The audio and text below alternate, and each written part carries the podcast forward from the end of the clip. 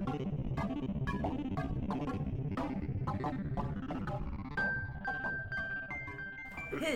och hjärtligt välkommen till Akademipodden, Sveriges Unga Akademis podcast. Idag så är vi i riksdagen. Jag, Martin Leinse och Sara Strandberg. Nu ska vi se, jag hoppas att ni hör så jag flyttar den lite närmare. Hej! Hej. Hej, hej. Martin, kan inte du presentera dig lite? Ja, jag heter Martin Leinse. Jag är docent i fysik vid Lunds universitet. Eh, Forskar om, vad skulle jag kunna säga, teoretisk nanofysik. Och Sara? Hej, jag är experimentell partikelfysiker vid Stockholms universitet. Okej, om ni var med i Big Bang Theory, skulle du då Martin vara Sheldon och Sara du skulle vara Leonard? Ja, så skulle det kanske kunna vara. Fast han är ju astrofysiker, men det är close enough. Okej. Jag tror att Sheldon skulle tycka att min forskning var inte tillräckligt eh, grundläggande för hans smak, så jag skulle nog få underkänt. Ja, okej. Varför är vi här i, idag i riksdagen?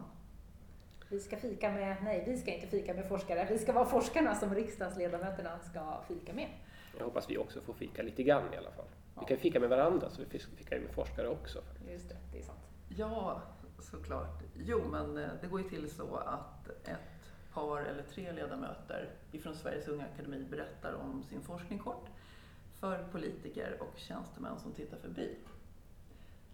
Och vi har gjort det under några år nu. Och vad tycker ni om konceptet? Eh, alltså det är första gången jag är med på det här så jag vet inte, inte så mycket om konceptet men det känns ju som eh, en rolig eh, liksom, tanke att man får eh, knyta ihop folk med så olika på något vis bakgrunder och vardagsliv och, och lära sig någonting av varandra. Ja, Jag har aldrig heller varit med på det här, men precis som Sara tycker jag att det verkar vara ett väldigt värdefullt koncept. Och att exponera riksdagsledamöter mer för forskning och för forskare, det kan ju bara vara bra. Och det är säkert bra att exponera oss för riksdagsledamöter också.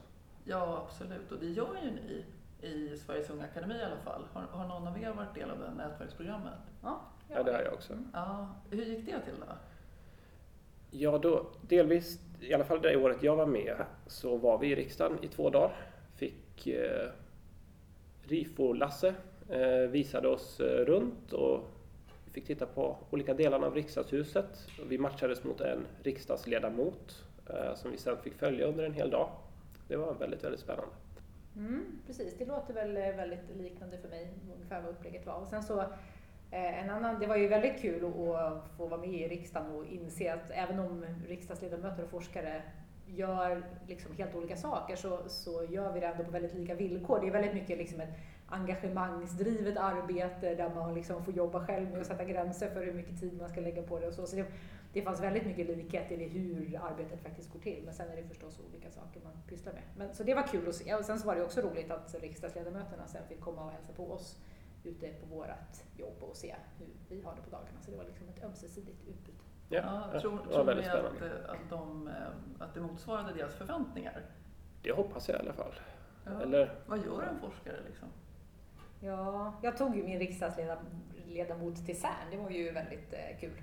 Oj, Eh, så det var ju inte kanske, det var lite mera eh, coolt än så här, det här gör jag varje dag, eller jag är i och för sig mycket där, men så det vart ju mera kanske om eh, hur funkar liksom partikelfysikforskning och stora internationella samarbeten och liksom Sveriges roll i CERN och sådär, mer än kanske vad jag gör dagligdags. Men det var jättekul, fast jag tror att han åkte hem med ett ganska han var lite fullproppad av information när han åkte därifrån. Ja, men det är väl härligt? ja, Jag tog med min eh, riksdagsledamot på en vanlig fredag på mitt jobb som innebär massor av olika möten, lite olika föredrag och sånt. Det blev nog en ganska realistisk bild av hur min dag ser ut. ja. Vad, vad tänkte ni berätta idag då? Eh, Ska Sen, jag... sen, jo, för under den här aktiviteten som ska vidta strax, eh, fika med forskare, så eh, vad tänkte du berätta Martin? Ja, alltså det skulle väl börja med att vi håller ett anförande i, eller en kort presentation i ungefär 10 minuter. Så det blir ju utmanande att säga någonting som är intressant för alla på 10 minuter. Är det Eh, svårt att fatta sig kort? Ja, Ja, det är det. Och så är det ju framförallt väldigt svårt att prata utan slides tycker jag. Ja. Jag är så otroligt van att Ja. ha slides att prata kring. Så det är ju en utmaning. precis. Det blir jag vet inte riktigt hur. Jag får hoppas att det inte blir för tråkigt. Och, Men... Det, det är svårt att tänka mig. Ja. Eh, jag vill ju inte sitta här och prata i tio minuter nu i en podd. Det blir ganska tråkigt. Eh, men jag kan säga lite kort vad jag hade tänkt att säga. Så jag hade tänkt att fokusera på den del av min forskning som handlar om kvantteknologi. Fast prata om det utifrån ett ganska brett perspektiv, inte alls fokusera på just det som jag håller på med personligen. Ehm, så kvantteknologi handlar om att använda kvantmekaniken för att tillverka eller komma på nya, ny teknologi, nya elektriska kretsar till exempel, som förhoppningsvis fungerar på ett annat och kanske revolutionerande bättre sätt än vad man kan åstadkomma med den teknologi vi har idag. Så jag tänkte ge väldigt kort bakgrund till kvantmekanik. Alltså det är den teori som koms på av, av Niels Bohr, Albert Einstein, Marie Curie, Max Planck, de här giganterna under tidiga 1900-talets fysik. Eh, när de ville förstå hur världen fungerar på atom och alltså på enskilda atomer och elektroner och sånt där. Hur gjorde de då? Räknade de eller? Alltså de flesta av de här var ju eh, teoretiska fysiker, men allting bygger ju på att, att det kom experiment både före, alltså det fanns saker man inte visste, det fanns oförklarliga fenomen relaterat till, till, till ljus framför allt. Eh, ehm, men även när man började upptäcka atomerna genom, att, att eh, genom experiment så började man se att, att det hänger liksom inte ihop om vi försöker använda Newtons lagar och lite Maxwells ekvationer som det som beskriver liksom hur elektromagnetisk strålning och ljus fungerar så går det inte ihop helt enkelt. Det är inte det vi ser i experiment. Vad besvärligt. Ja. ja, det är ju jobbigt. Och de tvingades gradvis att inse att, att, att vi måste hitta på något väldigt drastiskt annorlunda för att det här ska liksom gå ihop. Eh, deras ansträngningar att göra det här var ju ett av, av de verkligt stora liksom, eh, genombrotten under det tidiga 1900-talet. Mängder av Nobelpris och, och sådär. Eh, och de gjorde ju det som ren nyfikenhetsdriven grundforskning. De hade ju inte, tänkte ju inte liksom på några, några tillämpningar där. Ehm, men sen har ju det här resulterat i mängder utav, eller möjliggjort mängder av teknologi som har kommit sen. Eh, jag tänkte ge informationsteknologi som en sån, eh, alltså datorer, mobiltelefoner och sånt som ett exempel. Eh, därför att alla halvledande material kan man bara riktigt förstå med, med hjälp av kvantmekanik och det är de som ligger till grunden för alla eh, transistorer och sånt som man har i datorer. Ett annat exempel är en laser där man även behöver en kvantmekanisk beskrivning av ljus. Eh, egentligen så är all kemi, om man går långt ner på djupet, är också kvantfysik. Skulle Sebastian hålla med om det tror du? Ja, det tror jag. Det tror jag. Sebastian är du, du får en fråga fysiker och kemist mm, i, i Sveriges Unga Akademi.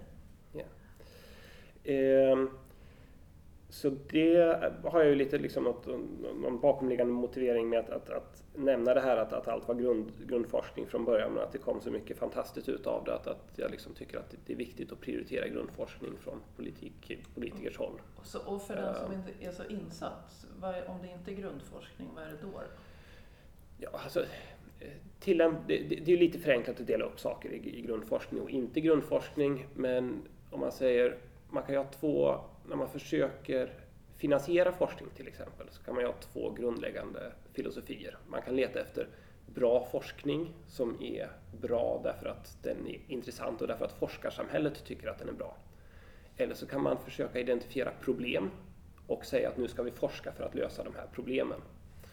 Ehm, och det är väl mer den distinktionen kanske jag är ute efter. Att, att eh, om man... Därför att Lösningar på problem kan ju då, som, bekant, eller som vi förstår nu, finnas inte där man hade tänkt leta, utan att eh, det är det som är grundforskningens löfte någonstans.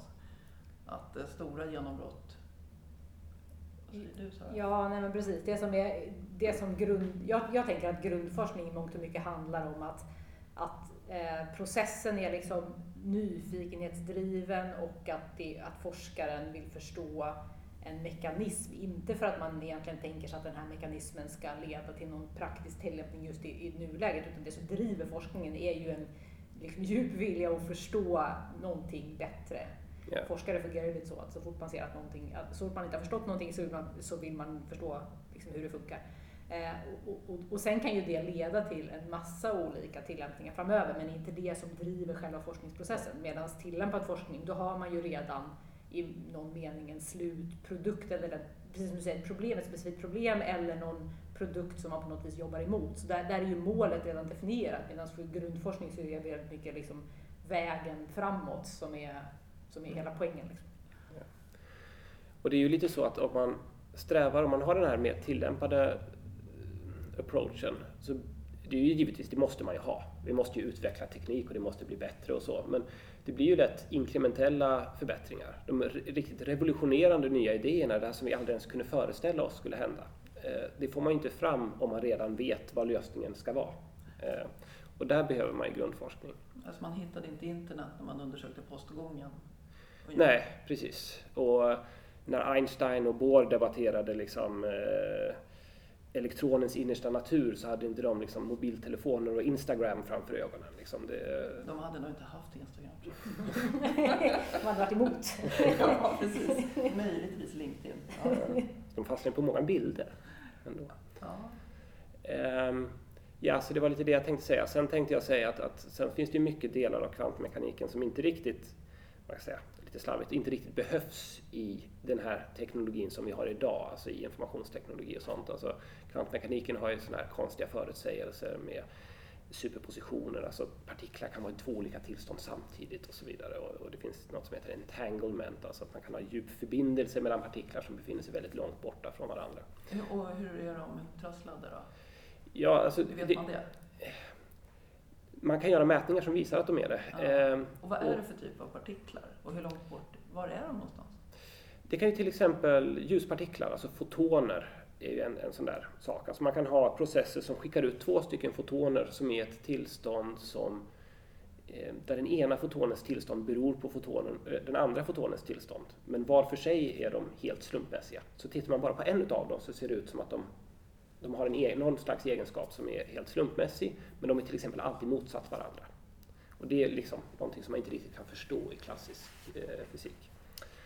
Ehm, och det här inte, hade i alla fall inte då några uppenbara tillämpningar, men det var ju väldigt intressant fysik. Så folk fortsatte ju forska på det och väldigt smarta människor forskade på det här i liksom 50, 60, 70 år. Ehm, och det ledde till ett par Nobelpris och, och så vidare. Ehm, och, men det vi har börjat se nu de sista åren är att, att det har kommit så pass långt att vi kanske kan tänka oss att göra teknologi som baseras på de här allra konstigaste delarna av kvantfysiken. Så det tänkte jag prata lite om och nämna några exempel, till exempel så kallade kvantdatorer, kvantkommunikation som är ett sätt att teleportera information med hjälp av den här entanglement. Eh, mer känsliga mätmetoder kan man komma på till exempel. Otroligt intressant. Ja, du då Sara? Vad ska jag prata om? Ja, eh, ja precis. Det, jag, jag kanske kommer in lite på, jag touchar möjligen på kvantmekanik, men annars så tänkte jag hålla mig till eh, partikelfysik. Så jag ska prata lite om eh, varför, eller eh, hela den här processen som människan har ägnat sig åt, ägnat sig åt väldigt länge och försöka förstå liksom, vad världen består av. Jag, jag börjar väl där någonstans och diskuterar lite det och att det ändå verkar vara någonting som, som vi har tänkt på i alla tider. Eh, och att det kanske är någonting mänskligt i att vilja förstå hur världen man befinner sig i faktiskt är uppbyggd.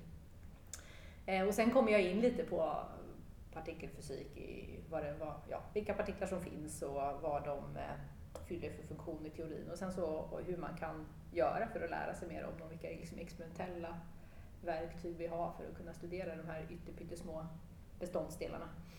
Eh, och sen så kommer jag ju in på vad det här har för praktiska tillämpningar, eller liksom finns det någon, för det är ändå en viktig diskussion tycker jag man ska ha, liksom vad är det som eh, som gör det okej okay att forska på saker som är så till synes liksom världsfrånvända, som är väldigt långt ifrån de här applikationerna som, som Martin var inne på. Det är ju, eh, och det, varför är det då? Ja, det, det, det, måste man ju ha en personlig åsikt om. Liksom, jag tycker att det kommer ju, det kommer ju otroligt mycket spin-off-projekt och väldigt mycket teknologi, alltså nya teknologiska landvinningar från de här riktigt stora experimentella anläggningarna som vi har. CERN är bara ett exempel där jag jobbar, men det är ju likadant med, du vet, ska man skicka en en rymdfarkost till Mars så kräver det också liksom teknologisk utveckling mm. som, som kommer samhället i gang. Och jag är helt övertygad om att om man bara tittar på, på hur mycket pengar man stoppar in och vad det sen genererar i, i eh, mervärde för samhället så, så går, det, går redan den ekvationen ihop sig.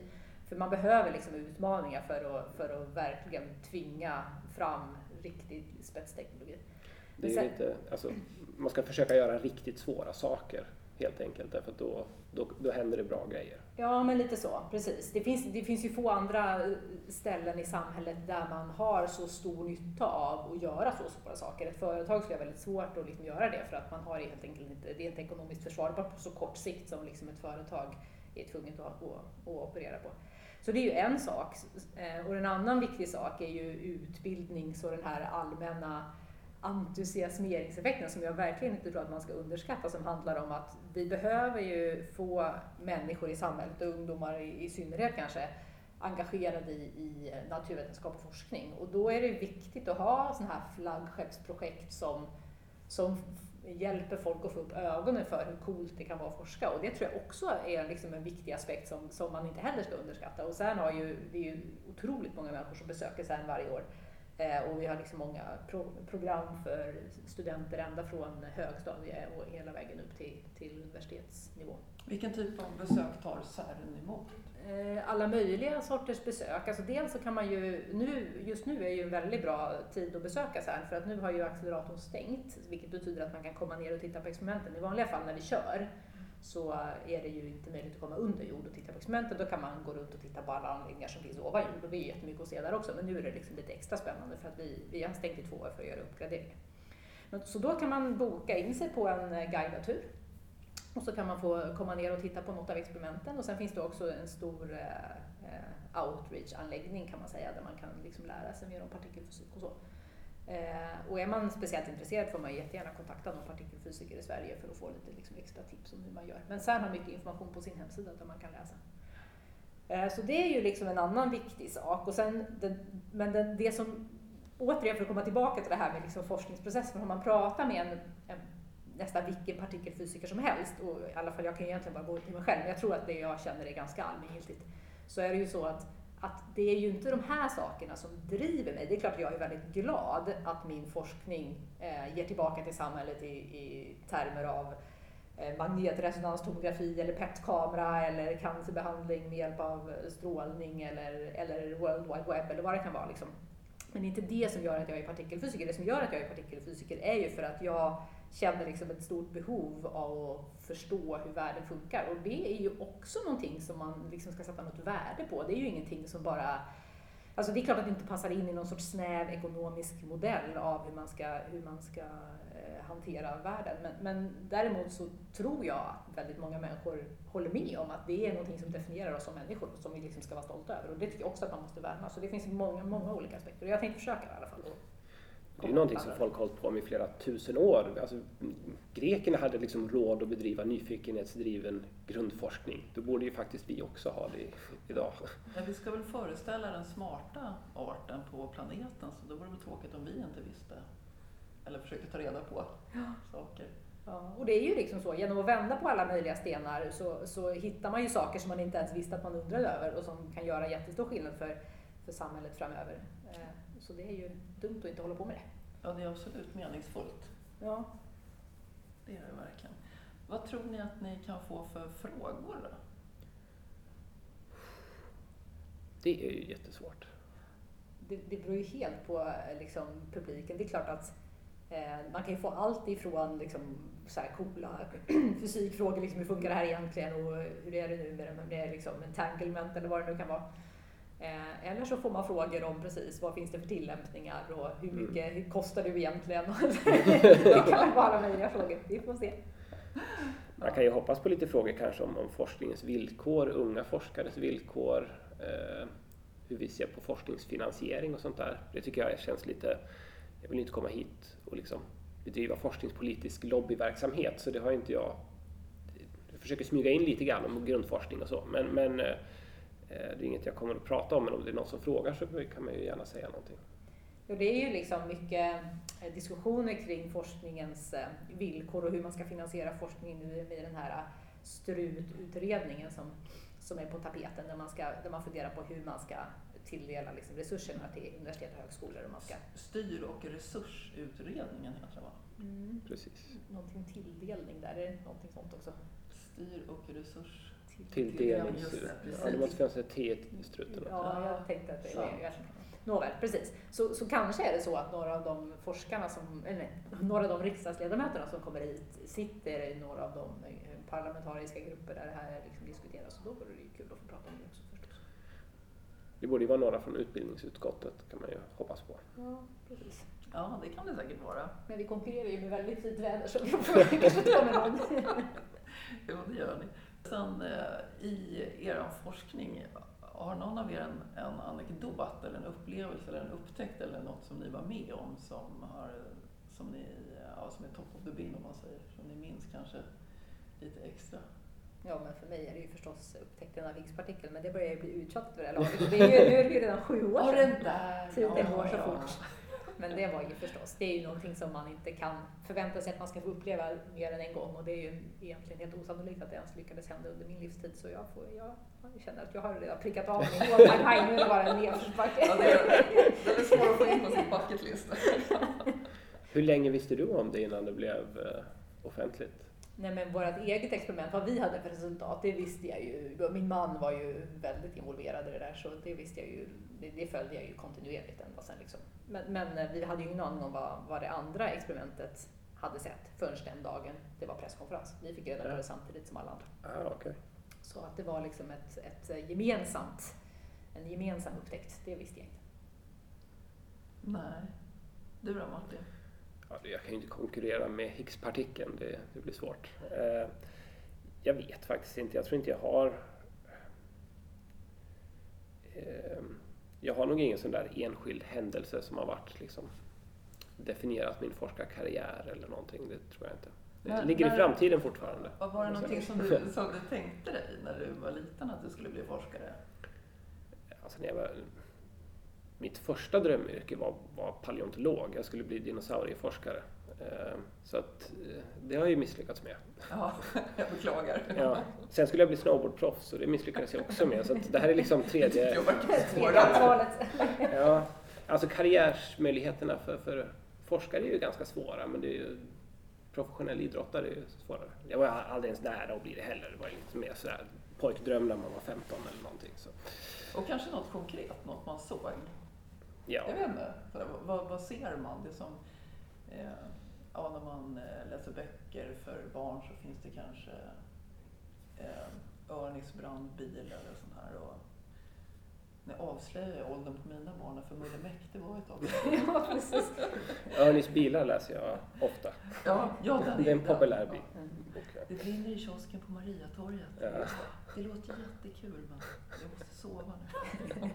Men annars tycker jag faktiskt att eh, analogin mellan eh, forskare och idrottare, det finns ganska många likheter i hur man Alltså hur, hur det, hela den här liksom enorma konkurrenssituationen som man befinner sig i och också vilka som lyckas som forskare. Det är ju egentligen, om man tittar på vilka som lyckas som idrottare så har man ju någon idé om att det är de som är de mest liksom, talangfulla och bland forskare har man också någon idé om att de som lyckas som forskare är liksom de som är de allra största liksom, genierna på något vis.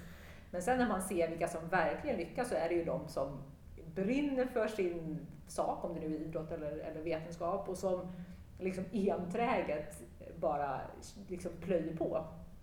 Det är de som klarar sig i längden och det är väldigt, så det finns mycket likhet. Jag tycker ofta att man, ska, att man kan dra paralleller när man pratar just med, med yngre människor om vad man behöver för liksom attribut för att bli en bra forskare. För det finns ju så många så här, stereotypa idéer om att man måste Mm. vara liksom monstersmart för att bli forskare. Och det är ju inte sant på samma sätt som, man inte, som, som att man inte måste vara en megatalang vid sju års ålder för att bli fotbollsproffs. Utan det här är liksom andra saker som, det handlar mycket om så här, grit och, och engagemang. Eh, Så det brukar jag dra Och som lite parallell. tur. Och lite tur. Ja. Ja. Mm. Och en förmåga att ta sig fram kanske. vi pratar ju ganska mycket om det ibland. Vi spelar ju det här Expedition Mundus ibland med gymnasieelever eh, i Unga Akademin. I Lund spelar vi på, på Forskarfredag i september till exempel varje år. Sista fredagen i september brukar det vara va? Ja. Eh, Det är väldigt roligt och det är ett bra, det spelet tycker jag, delvis är det roligt att spela. Eh, Så har ni inte gjort det så ska ni gärna spela Mundus. Eh, Men framförallt så är det en väldigt bra ingång till att diskutera, alltså vad, vad, det, det är då ett spel som, som simulerar hur det var, är att vara forskare kan man säga. Eh, Och det är en väldigt bra ingång till att diskutera med ungdomar, alltså frågan vad, vad behövde ni för att liksom lösa de här uppgifterna? Så kan man prata om vad man behöver för egenskaper som forskare och då kommer det väldigt mycket det här med att man måste liksom ha tålamod, man måste vara nyfiken, man måste tycka om att lösa problem och eh, liksom vara supersmart brukar ju inte vara en av de egenskaperna som dyker upp där. Nej. Så det jag menar är att du kunde nog ha blivit, anledningen till att du inte blev snowboardproffs utan att du blev fysiker är väl antagligen för att du tyckte att fysik var lite roligare. Ja, jag tror jag misslyckades, jag tror jag insåg först att jag inte skulle bli snowboardproffs och sen började jag plugga fysik mycket senare. Ja. Man bryter inte benen lika ofta när man är fysiker i alla fall, det är en fördel. Ja, men eh, eh, vad heter det, den här eh, mainstream-exponeringen för idrott känns det ju att eh, ungdomar kanske lättare kommer i kontakt med och får en idé om att man vill bli någon form av idrottsproffs snarare än eh, en eh, hotshot-forskare. Ja, det har ju också högre status, det får man ju säga. Och det är väl bra. Det är ju bra att folk rör på sig nu i tider av internet och stillasittande. är det väl fint att folk vill bli idrottsproffs. Men det är ju intressant det där vad det är som liksom eh, avgör vad som är hög, vad som har hög status i samhället. Mm. Vilka yrken som är coola och. Ja, ni är ju jättecoola. Tycker vi. Jag tycker det. jo, men vi, jag pratade i forskning med min, dotters klass och hon är ju åtta, nu är hon nio, men då var hon åtta. Eh, och där tyckte ju alla att det var supercoolt liksom. Men sen någonstans där, sen tappas det bort har jag en känsla av. Och jag får väl se hur det blir med mina egna barn när de blir större. Men jag har en känsla av att det finns någon, någon punkt i livet när det är coolt att vara forskare. Men sen så tar andra saker över. Ja, det fluktuerar lite ja. Eh, jag brukar vara med på Frågan forskare som är ett eh, program på eh, Nobelmuseet. Alltså de har framförallt mellanstadieklasser, det brukar vara folk som går i fyran, femman någonting. Så går de omkring på Nobelmuseet och de får liksom lära sig om, om Nobelprisbelönad forskning och sen får de prata via Skype med en riktig forskare och fråga frågor om hur det är att vara forskare. Det, de tycker jag också att... först, de brukar alltid börja med att de, de, de blir besvikna för de frågar vilket år fick du Nobelpris? Så måste man säga, det har jag ju inte fått då. Så har de varit på Nobelmuseet, 2025 tror jag det blir. så har de varit på Nobelmuseet och så får de prata med en forskare som inte ens är Nobelpristagare. Så att det, man börjar med en, liksom en besvikelse. Eh, Men de brukar verka väldigt positiva. Alltså det, det är tydligt att, att de är intresserade och liksom att, att, att det här med att, att ta reda på saker är någonting som man väldigt eh, eh, eh, alltså ser som väldigt positivt av, av unga barn. Men Ja, roligt. Nobelprismuseet heter det, eller Nobel Prize Museum. Ah, okej. De har gjort en ny uh, liten ja, restaurering, vad ska man kalla det? restaurering, inte bara av namnet kanske. Uppgradering, ja. Det är väl Men- ganska rimligt för ja, det handlar ju inte om Alfred Nobel, det handlar om Nobelpriset så det känns ju... Ja. Ja, absolut. Det finns ju ett otroligt internationellt intresse för Nobelpris. Det minns jag när jag jobbade tidigare med dem att vi mäter ju vilken uppmärksamhet olika initiativ får när vi försöker föra ut forskning som jag jobbar med. Men Nobelpriset så var det ingen idé. För att det är som en tsunami. Det går inte riktigt att... Eh, man vet det. Det är ganska fantastiskt. Och sen när de började använda sig av Facebook så var det ganska kul att se hur många som följde då live tillkännagivandet. Så det är väldigt fint faktiskt. Mm. Och det kommer jag ihåg, eh, apropå anekdoter, jag diskuterade någon gång med några människor om, om eh, eller vi satt och pratade om eh, eh republik kontra monarki. Och då, och då så kom vi in på liksom att det finns ju vissa i Sverige som tycker att vi ska ha monarki och vissa tycker att vi ska ha republik. Och de här utlänningarna de blev helt chockade. De bara, men herregud! Om ni blir republik, vem ska då dela ut Nobelpriset? Det var liksom deras största bekymmer. Bara det gjorde att det var helt omöjligt att tänka sig en sån fram... Ja, det tycker jag var roligt. Ja. Alltså man kan ha olika åsikter om hur vettigt det är att dela ut en massa priser i, i, i forskning men eh, Nobelpriset har ju ett oerhört värde i att, att liksom marknadsföra forskning. Alltså det är inte ofta det på var mans läppar, liksom, de senaste upptäckterna i fysik och kemi och sådär. Så att, eh, det finns det ett väldigt stort värde i. Verkligen. Verkligen. Sen kan man tycka att det är lite synd att det enda som står i DN då, nej det gör det inte alls det. Ibland kan jag känna att det blir lite för mycket fokus på klänningen och lite för lite fokus på, på fysik och kemi och biologi. Ja, på Men- själva festen är det ju så. Eh, Däremot när de har tillkännagivanden så brukar det ju vara ändå någorlunda bra. Absolut. Sen så är det den obligatoriska frågan är ju vad kan det här användas till? Mm. Och då kommer man in på det här med grundforskning kontra tillämpad forskning ibland. Ja, men jag måste säga till DNs försvar att deras redaktör är ju faktiskt eh, disputerad partikelfysiker. Jag vet, jag... Precis. Jag, jag tror inte att det. Och det är ju väldigt mycket flera veckor innan så täcker de ju in jättefint liksom, eh, de vetenskapliga bakgrunderna till priset och jättemycket artiklar om, om, eh, om själva forskningen. Och gissar. Ja, absolut. Ja. Precis, så det, det, var, det var orättvist. Men, men just när man sitter och kollar på den här festen, det gör jag inte så ofta, men ibland gör jag det. Och då tänker jag så här, herregud vad det pratas om de här klänningarna. Det kan väl ändå inte vara det som är det viktiga. Fast jag tyckte det var lite roligt när två av tre klänningar hade med Sveriges Unga Akademi att göra. Det kändes ju bra. Mhm. Det var Danica Kragic från eh, KTH, robotforskare som nu är vår alumn, som uppmärksammades. Och sen så var det Torsten Wiesels fru, Mo, som hon kallas, Mo Wiesel, som hade en klänning med eller texter ifrån Bob Dylan. Jättefint. Jo, men Sara, just det. Det fanns ju ett projekt som vi arbetade lite med som handlade om, eller du mer, som handlade om att introducera forskare på något vis till det svenska forskningssystemet. Kan inte du berätta lite om det? Ja, du menar det här korta vägen-projektet som vi ja. hade tillsammans. Det, är ju egentligen, det finns ju massa olika aktörer i Sverige som eh, hjälper till att göra speciellt skräddarsydda utbildningar för nyanlända akademiker just så att man om man, om man har liksom en gedigen utbildning från sitt hemland så, så kanske man bara behöver komplettera i- vissa delar och så kan man väldigt snabbt komma ut på arbetsmarknaden och ta liksom högkvalificerade arbeten.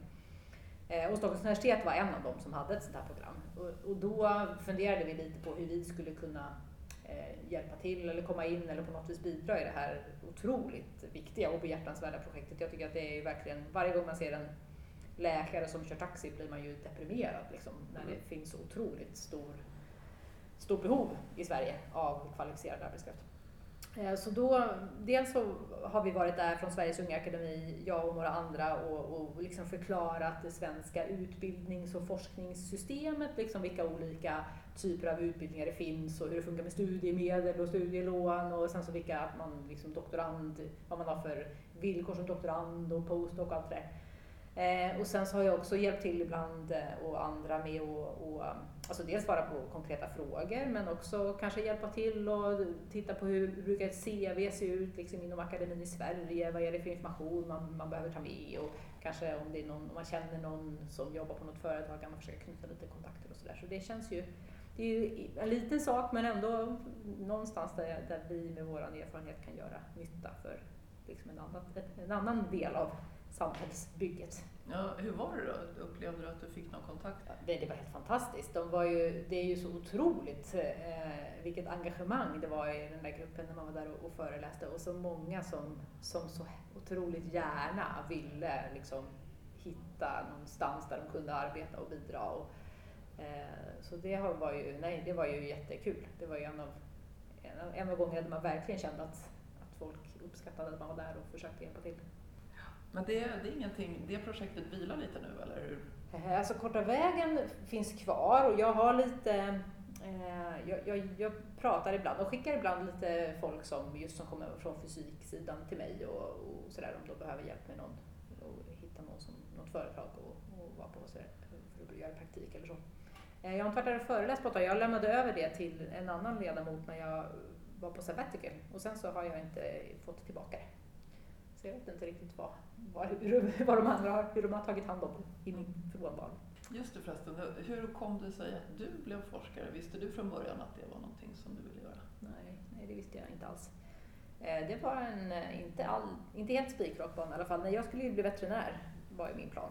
Eh, För jag var flitig i skolan och tyckte om hästar, då skulle man bli veterinär, hade jag förstått. Ja, såklart. Ja. Hur blev det så här nu då? Så jag gick ju till och med ett år på veterinärhögskolan. Ja. Eh, Men sen satt jag där och märkte att jag var inte som alla andra riktigt. Det var ju väldigt liksom så här, konkreta och jordnära diskussioner om eh, du vet, vitaminer och mm, tarmsystem och allt vad det kan vara. Liksom. Och jag var väldigt mycket mer filosofiskt lagd och satt och funderade på liksom, vad händer om man ramlar in i ett svart hål eller liksom, hur stort är universum? Och, eh, och, och, det, och det var ju någonstans då som liksom poletten trillade ner. Att, att man ska faktiskt syssla med det som engagerar en liksom dagligdags. Man ska inte ha någon sådär abstrakt mål om liksom, vad ska jag bli för människa eller det här är liksom, utan man ska eh, fundera på så här, nu idag, liksom, vad är det jag tycker är roligt att göra? Vad är det som jag liksom går igång på? Och så är det det man ska göra. Så då bytte jag ut till fysik och sen så blev jag forskare. Jaha, inte så dumt. Uh, hur tycker dina barn, eller hur, små, hur stora har de hunnit bli? Nu är de nio och sex. Har de något intresse för ditt arbete? Ja, vi får väl se. de, det kommer nog komma. Jo, men de, eh, det kommer nog komma backlashes tänkte jag säga. Men jo då, absolut. Det har de ju. Min dotter, nu har de precis börjat prata om rymden i skolan. Så idag, häromdagen så visade jag henne den här första bilden på ett svart hål. Det var så kul, de hade en bok där det stod att ingen har någonsin sett ett svart hål. Så nej, det där är fel. Det är nu får vi skriva om boken. Och så visade jag henne den här bilden och hon tyckte det var fascinerande. Liksom. Wow, tänk att det där är ett svart hål. Så det, jo absolut. Och då, vi bodde ju på CERN också, för jag var ju på sabbatical som sagt, och då följde de ju med ner och bodde där ett år de också och var mycket på CERN och, och sådär. Så de har ju liksom hyfsat koll på hur det också i praktiken funkar att vara forskare. Så.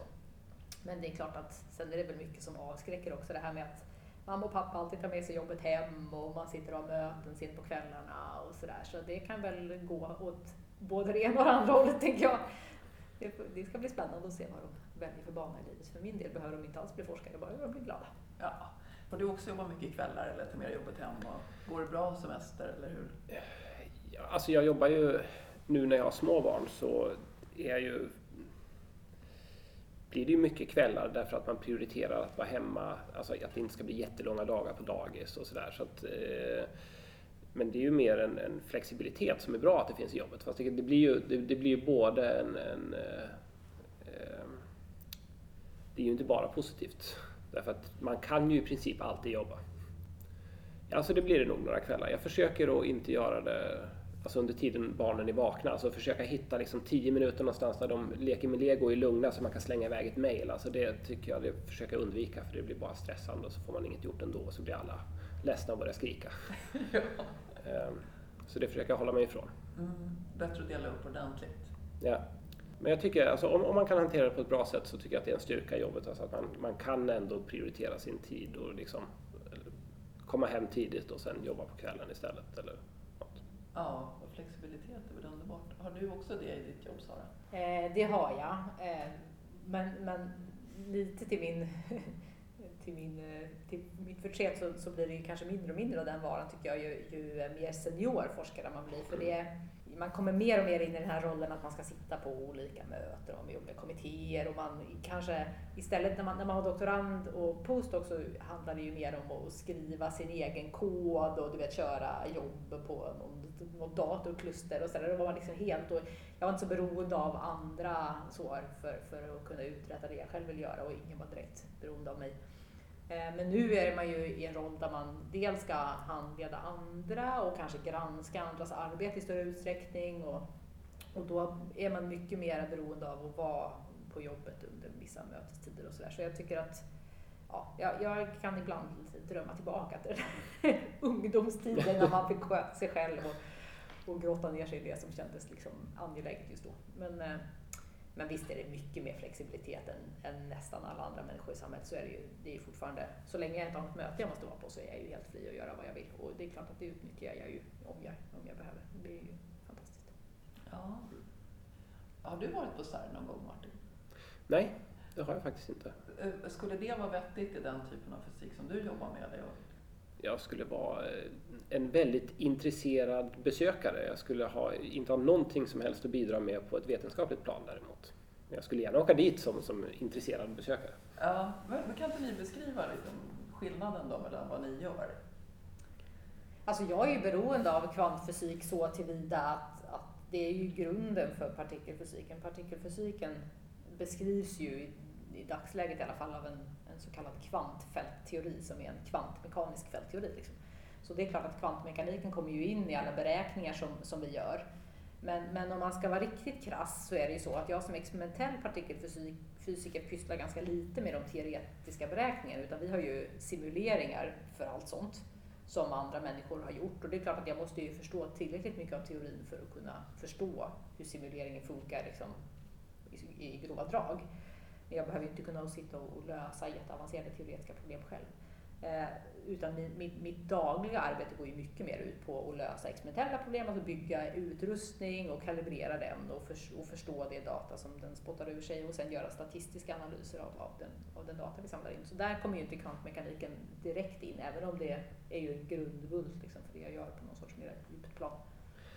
Sen även om, om alltså grund, kvantmekaniken är en grundsten för partikelfysiken så använder jag kvantmekanik på ett helt annat sätt. Ehm, och den, alltså den typen av kvantmekanik som behövs för att, att verkligen kunna vara teoretisk partikelfysiker, den, typen, alltså, den banan har ju inte jag tagit. Så att jag skulle inte kunna bidra, absolut inte på ett experimentellt plan. Jag har ingen aning om hur man skulle bygga en atlasdetektor eller ens någon liten del av den. Ehm, men eh, även på ett teoretiskt plan så blir det ju specialiserat på ett annat sätt. Alltså standardmodellen, alltså de kvantfältteorier som ligger till grund för, för standardmodeller med liksom, eh, det är ju inte heller någonting som jag har sysslat med. Även om jag kan liksom, det finns någon slags gemensam grund. Så.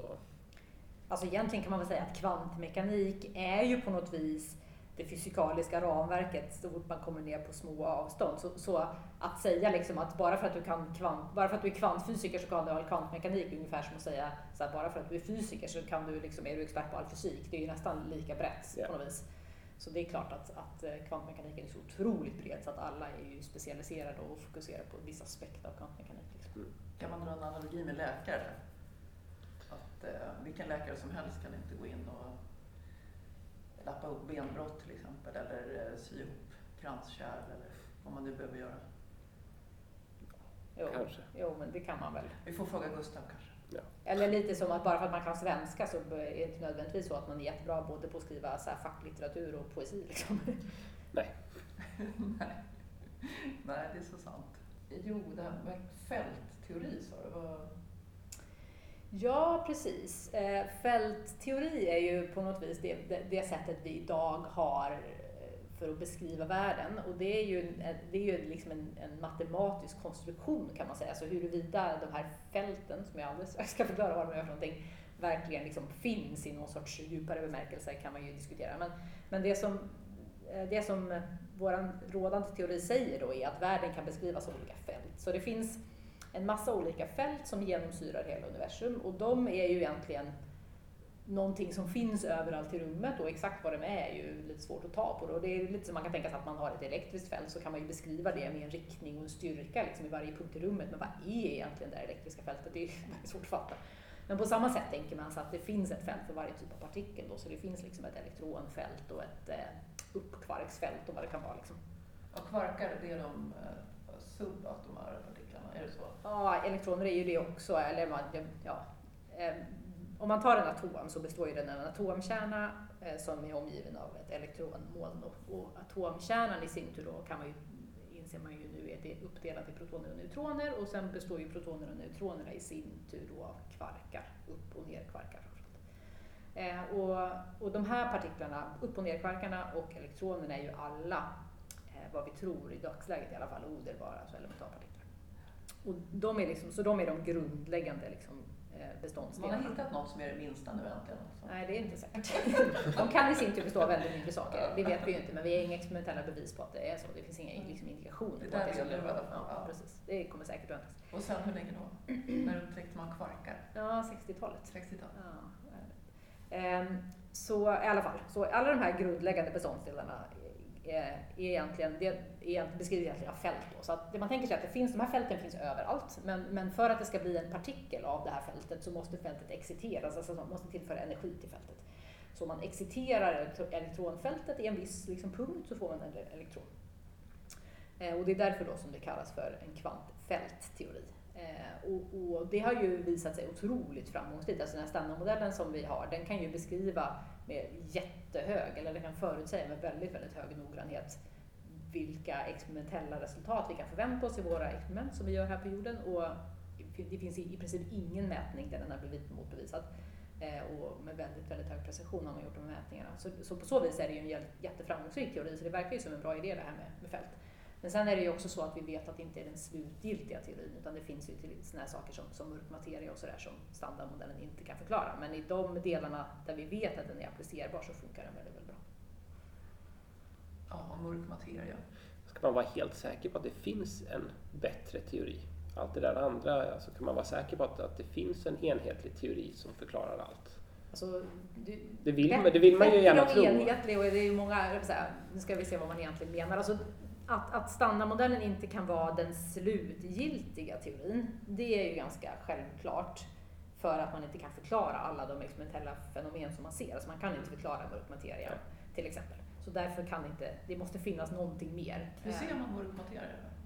Den ser man ju med hjälp av gravitationella effekter bara faktiskt. Så att det man kan se är till exempel att de objekt vi ser i universum som rör sig runt omkring, de, de kan inte röra sig i de banorna som de gör med, bara med hjälp av gravitationskraften ifrån de sakerna som, som lyser eller som vi kan se liksom med vanliga medel. Utan det måste finnas mer materia där än vad, än vad atomerna kan utgöra.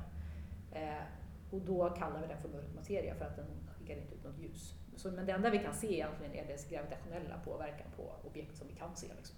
Och sen finns det andra sätt också. Man kan titta på eh, den kosmiska bakgrundsstrålningen, vad den har för egenskaper. Det finns många olika mätningar som alla pekar åt samma håll, så det är väl det som gör att liksom, bevisen hopar sig lite grann. Det finns ju en konkurrerande liksom, förklaringsmodell som är att det inte finns mörk materia utan att det istället är gravitationslagarna som behöver modifieras. För man kan i princip, om, om nu den gravitationella påverkan inte verkar vara så som den borde vara, så kan det ju antingen vara för att det finns mera saker som, som känner av gravitationen eller att gravitationen i sig funkar på ett annat sätt. Men den, den här MOND-teorierna som de kallas, de har ganska svårt att förklara alla olika mätningar liksom på ett bräde. Modified Newtonian Dynamics står det för. Så modifierad, modified Newtonian Dynamics. Eh, så det är modifierad gravitation kan man säga. De har svårt att, att förklara alla mätningar på ett bräde. Man kan liksom eh, hitta en sån här modifierad gravitationsteori som kan förklara vissa observationer, men då kan man inte förklara de andra och sådär. Så än så länge så har den väl lite tillkortakommanden, men det finns fortfarande en del anhängare som tycker att det vore den snyggaste lösningen. Men, men eh, mörk materia, alltså att det är en ny sorts partikel som väger som vi inte har hittat, det är ju ändå, får man väl fortfarande säga, den liksom mest eh, Eh, den som folk kanske tror mest på överlag. Eh, och, och så, på så vis så måste det, om jag ska komma tillbaka till din mm. fråga, på så vis måste det finnas någon ytterligare teori. Men, men sen finns det ju också andra saker som, som man ofta hör att forskare hävdar, som att till exempel så, så måste vi hitta en teori där, man, där gravitationen också inkorporeras i standardmodellen och att man kan beskriva alla naturkrafterna med liksom samma typer av ekvationer och sådär. Och det finns det väl egentligen ingenting som säger att det måste vara så, utan det är ju mer någon sorts estetiskt argument och också om vi tittar historiskt tillbaka, vad har vi gjort hittills? Så är det ju liksom lite det som vi har, det har varit väldigt en framgångsrik metod hittills och det finns kanske folk som tycker att därför är det rimligt att det kommer vara så även fram, framöver. Men... Precis, och det, det, skulle ju vara snyggt om man hade en uppsättning ekvationer som beskrev hela universum. Ja. Men, Estetik är ju inte oväsentligt. Nej, alltså det är också en väldigt, det kan man ha en hel podcast om bara det, det kanske har vi haft det just det här med kopplingen mellan estetik och, och, och, och forskning och matematik och sådär. För det är ju faktiskt väldigt ofta så att det enkla eh, visar sig vara det rätta. Den här Ockhams eh, razor, alltså Ockhams rakkniv som princip för vetenskap, att man inte ska göra sin teori mer komplicerad än nödvändigt. Den har ju varit väldigt framgångsrik och det kan man ju fundera på om det finns någon så djupare liksom, anledning till att det måste vara så. Det gör det väl antagligen, men det är ju egentligen, ja, det vore intressant att prata om. Ja eleganta lösningar är inte så dumt. Nej. Nej. Tänker om vi kanske ska runda av lite. Men, men du kommer komma in, ja förlåt, jag blev bara så nyfiken det här med entanglement och så. Kommer du komma in i din, i din presentation lite grann på vad det finns för tillämpning? Alltså, jag hörde något föredrag om, eh, om det här med att man skulle kunna teleportera sig genom svarta hål och hej och sådär.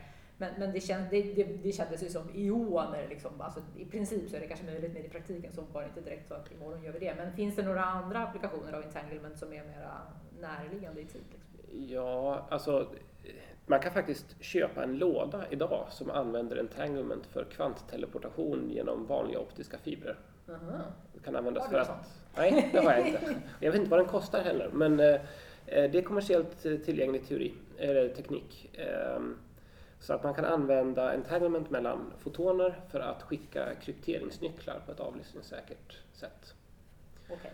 Det som är håll- alltså det, nackdelen med, om man nu ska säga så, eh, med, med kvantteleportation, alltså det sättet att skicka information, är att eh, man även måste skicka klassisk information mellan de här två punkterna. Man kan inte bara skicka en kvantmekanisk signal. Men den klassiska signalen måste inte innehålla all information som man skickat kvantmekaniskt och alltså kan man skicka saker, eh, man kan teleportera saker på ett sätt som inte går att avlyssna. Och det kan man använda för att distribuera krypteringsnycklar till exempel. Och det finns idag som teknologi. Och det tänkte jag nog säga lite snabbt. eh, Sådär. Coolt. Ja, för föräldrar Årets som inte lämnar ut 2020. wifi-lösenord. Ja. Ja, Årets julklapp. Ja, varför inte? Jo, apropå svarta hål. Jag såg, vi spelade en gång in en podcast ju, Sara, om filmen Interstellar. Mm. Eh, och då reste de ju på ett ganska brutalt vis kors och tvärs i maskhål. Ja, precis. Och de ska igen eh, spela upp den här filmen, den här gången på Bio Capital, tror jag, i Fri Tankes regi, det här förlaget som ger ut eh, populärvetenskap. Eh, och då ska, nu ska vi se, Ulf Danielsson och Bengt Gustafsson, eller hur? Radarparet Mm. kommenterar den. Ja, det kanske är roligt. Brukar ni eh, delta, även om ni inte är med själva, uppskattar ni den här typen av events? Absolut. Jag har ju varit med i Fritankes eh, regi någon gång och de ville faktiskt, eh, de undrade ifall jag kunde vara med på den här om Interstellar. Jag kände att det är lite far, alltså det är inte min expertis som partikelfysiker så jag, jag föreslog några andra namn. Men det, men det är just absolut saker som, som jag tycker är kul att tänka på. När jag och min man såg Interstellar så pratade vi sen i tre timmar om konstiga fysikaliska fenomen över typ en flaska vin på en restaurang. Åh, vad trevligt! Det var väldigt trevligt. Man behöver, man behöver lite sånt ibland. Ehm, alltså just Fri Tanke har jag inte varit med i några ehm, evenemang på. Ja, alltså, jag har ju förstört många filmer för mig själv med att sitta och bli irriterad över liksom, fel. Sådär. Eh, och det får man ju ibland försöka bortse ifrån, men, men det är inte alltid så himla lätt. Eh, Eh, så det är något som, som händer automatiskt nästan vare sig man vill det eller inte. Ja, Ja, Interstellar var ju bra på många vis. Alltså, den var, hade ju väldigt realistiska simuleringar av svarta hål och mycket av fysiken var ju ganska bra gjord. Men sen så kommer man ju på något vis, ja, när man gör en film måste man ju ändå ha respekt för att någonstans ska det också finnas någon cool story. Liksom. Så när de började, det var ju därför de behövde åka in i det här svarta hålet och kunna resa liksom i tiden och då, då, då blev det ju väldigt ofysikaliskt. Att man kan åka in i ett svart hål och sen lyckas komma ut igen utan att ha blivit totalt... Ja, dels att man kommer ut överhuvudtaget och att man inte är helt mosad och liksom, det finns många saker där som man kan... Men, men jag tyckte ändå att den var en av de bättre filmerna i att i alla fall delvis ha en ganska hög vetenskaplig ambition. Och Kip Thorne var ju som sagt vetenskaplig rådgivare till den där filmen och han fick ju Nobelpriset så det var ju... ja då kan jag ha lite koll. Ja. Det jag kan störa mig faktiskt mer på egentligen i, i eh, filmer och liknande är att, att forskningsprocessen och hur forskare fungerar eh, porträtteras på ett ganska konstigt sätt. Alltså hur det där Alltså vägen från idé till tillämpning, det är någon som får en idé så helt plötsligt så liksom bara, det bara fungerar. Det är någon som är skitsmart och så kommer de på något revolutionerande och så eh, tre dagar senare så har de ett rymdskepp som liksom fungerar enligt den där principen. Ehm, det kan jag tycka känns lite tråkigt. Och det spär ju på den här myten. Jag är ju väldigt allergisk mot det här ensamma geni-myten. Ja, liksom, för jag tror att den är ganska skadlig för, för Ja. forskning. För det är inte alls så forskning går till. I alla fall inte på, det, det kan väl göra det i vissa liksom, speciella fält, men generellt sett är det ju inte så. Eh, och det spär ju verkligen på den här myten och det är ju hela tiden det här att man ska, det, det, det är också det som händer lite med Nobelprisen, att man, människan har ju uppenbarligen något behov av att höja en viss person till skyarna. Mm. Eh, och det är ju ganska, jag vet, inte, det skrämmer ju bort en del människor också tänker jag. Visst kan man få uppmärksamhet men man får också en helt skev bild av vad det egentligen handlar om. Ja, men det tycker jag är fint med det arbete som ni gör för akademin med ungdomar och allt det här och visar att det kan vara olika och hur den vetenskapliga processen går till. Mm.